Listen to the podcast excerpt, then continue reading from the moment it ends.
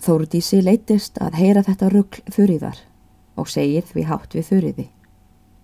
Þú heldur fyrir mér vöku með rugglinu í þér þurriður gamla. En það held ég það sé ekki þarflegt hjál sem þú ert að tauta við sjálfa þig. Þá segir þurriður. Þú hefur þá lagt þig þarna, Þórdís mín. Ég var ekki að tauta neitt nema bænirnar mínar, eins og ég er vönkelli mín, og nú fer ég að sofa. Síðan þagnar kerling, en er hún hafið þagað litla hríð, heyrir Þórdís að hún tautar enn nokkuð og segir þurriður. Nú les ég seinast bænina um þau sjö Jésu nöfn. Fyrsta Dominó, annað Meus, þriðja Messias, fjörðara Búni, fymta Emanuel, sjötta Lávarður, sjöunda Benediktus.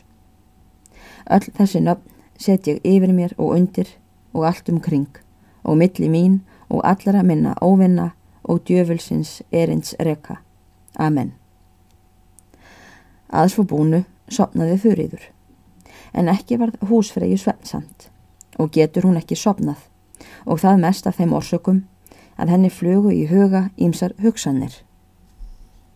Að sönnulagði Þóruðís engan trúnað á ræðu kerlingar og virti það sem óvita hjál og hegilju.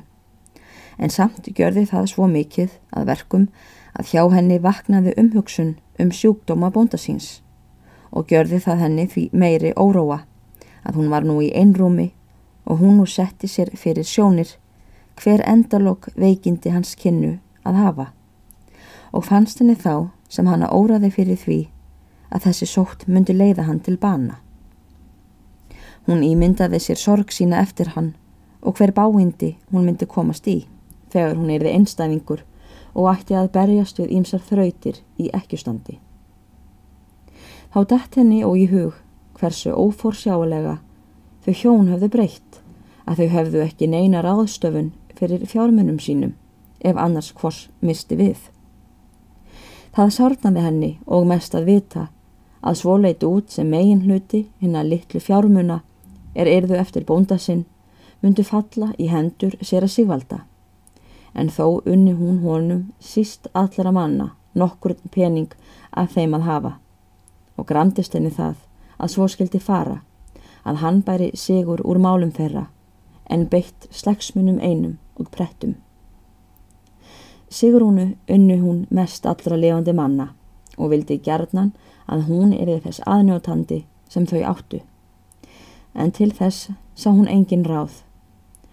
Væri og Sigurður bondi hennar horfin allir að rænu svo að ekki mætti slikt við hann að ræða. Þessar og því líkar hugsanir heldur vöku fyrir Þórtísi alla nóttina og var hún heldur ángurvær. En þegar skamt livði nætur sopnar Þórdís og vaknar hún við það að stutt var hendi á vanga hennar. Er Sigrún þar komin, fóstra hennar, og er það orðið bjart af degi. Segir Sigrún þá að Sigurður fóstri hennar sé vaknaður og hafi hann sofið nokkur veginn vært mest alla nóttina. Sé hann nú með ráði og vilji tala við húsfreyju. Þórdís gengur til Svennherbergis þeirra hjóna Situr Sigur þar upp við herðardínu, helsar hann konu sinni og sest hún á rúmstokkin. Tekur Sigurður bóndi þá svo til orða. Guð hefur gefið mér það að ég hef getað haft góða værð í nótt.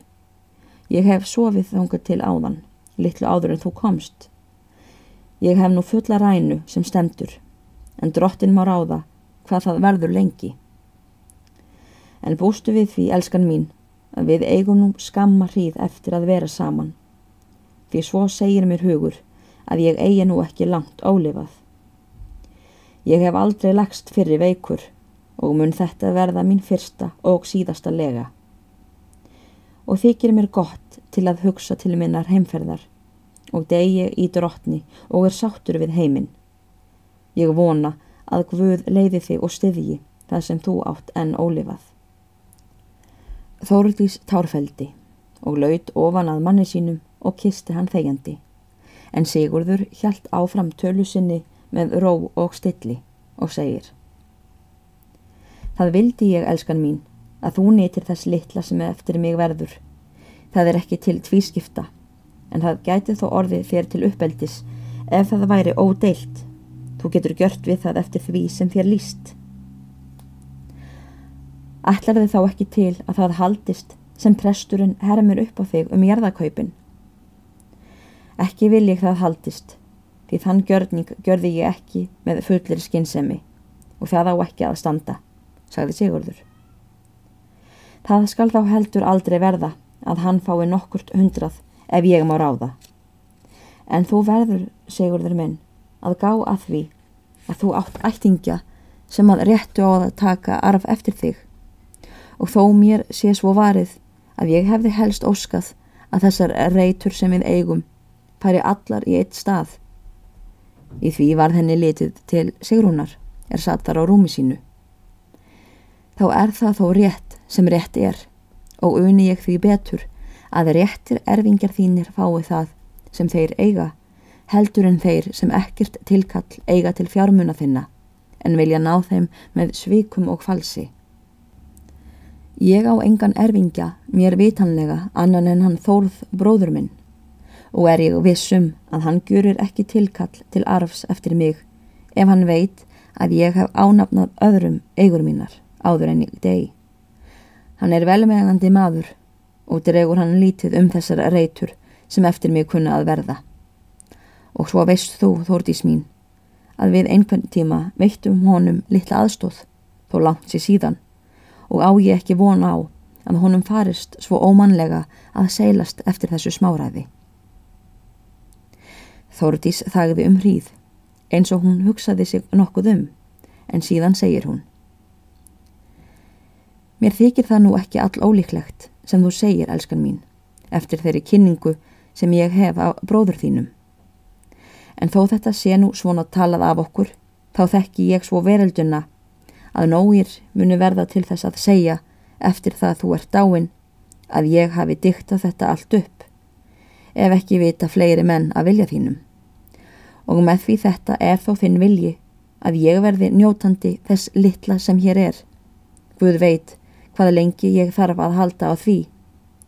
Þú er það mitt ráð að þetta sé gjört, skriflegt og vottanlegt og ef Guð sparar þig svo lengi að bróður þinn þóruður komi hingað, getur hann þá sjálfur sagt sinn vilja, hvort hann ætlar að kalla til arfs eða ekki.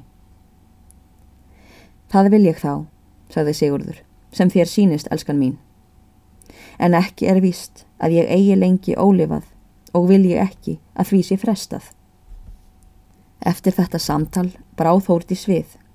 Let hún skjóta hesti undir vinnumann, einn og bað hann ríða sem kvatast og hitta Þórð bróður Sigurðar og færa honum þá orðsending að Sigurður byrði hann að koma til hlýðar samdægurs. Í annan stað sendi húsfreyja bóð til næstu bæja við hlýð og gjörði bændum þeim er þar byggu orð að koma til fundra við sig. Þóruður, bróðir Sigurðar, bjóða þeim bæ sem heitir að holdi. Það var í næsta hrepp við staðarsókn og þó ekki mjög langt frá hlýð. Þóruður var nokkur yngstur þeirra bræðra. Hafði hann í fyrstu verið félítill, en Sigurður var þá orðin efnaður vel og eldi hann bróður sinn mjög til bús en með því Þórður var framkvæmda maður góður og búsíslu maður, grætist honum brátt fyrir og var hann út talinn með gildustu bændum þar um sveitir. Þórður brá skjótt við er hann fekk orðsending bróður síns og rýður hann til hlýðar. Eru þá og þar komnir bændur þeir er Þórdís hafði orð til send. Sigurður var þá enn með fullur áði segir húsfreyja þórði erendið og talast þeir bræður síðan við og hver allt vel á með þeim. Segir þórður sem var að hann myndi ekki fjö skorta þó hann slefti öllu arfs tilkalli eftir sigurð. Enda myndi ekki sá arfur nema svo miklu að hann mætti ekki vel af sjá. Kemur þeim það þá öllum ásamt að gjöra skuli breyf þar um en með því mottarnir þóttust eigi svo réttfærir að fyrir treystu sér til að skrásetja gjörningin, þá varð húsfreyja sjálf að reyta hann og stíla. Var hann þess efnis að Sigurður bóndi gefur konu sinni eftir sinn dag allar eigur sínar, fastar og lausar og skuli engin maður annar hafa tilkall til arfs eftir hann og skuli öll þau gjafabref hverju nafni sem nefnist er þessu var í gagnstæð, ógild og marklaus. Er síðan gjörningurinn upplesin fyrir Sigurði og lætur hann setja innsikli sitt undir hann. Þessu næst reytaði Þórður nafn sitt undir með þeim formála að hann fyrir sitt leiti afsalaði sér öllu arfstilkalli eftir Sigurð fyrir sig og sína ættingja og síðan innsiklaði hann það. En eða vottarnir skildi undirskrifa þá vottaðist það að hvorugur þeirra hafði numið svo mikið í leturgjörð að þeir mættu reyta nöfn sín. Var þá Sigrún til fengin að skrásitja nöfnin og handsöluðu þeir þau. Eftir það reyðu vottarnir á brott, en Þórður dvaldist þar eftir í hlýð og vildi vita hver endir yrði á um sjúgleika Sigurðar. Var Sigurður en málhress það eftir var dagsins, en að aftni tók honum aftur að þingja, svaf lítið og óvært um nóttina og andaðist næsta dag eftir. Hermaði kona hans mjög lát hans, en bar þó harmsinn með stillingu mikilli. Endir fyrra parts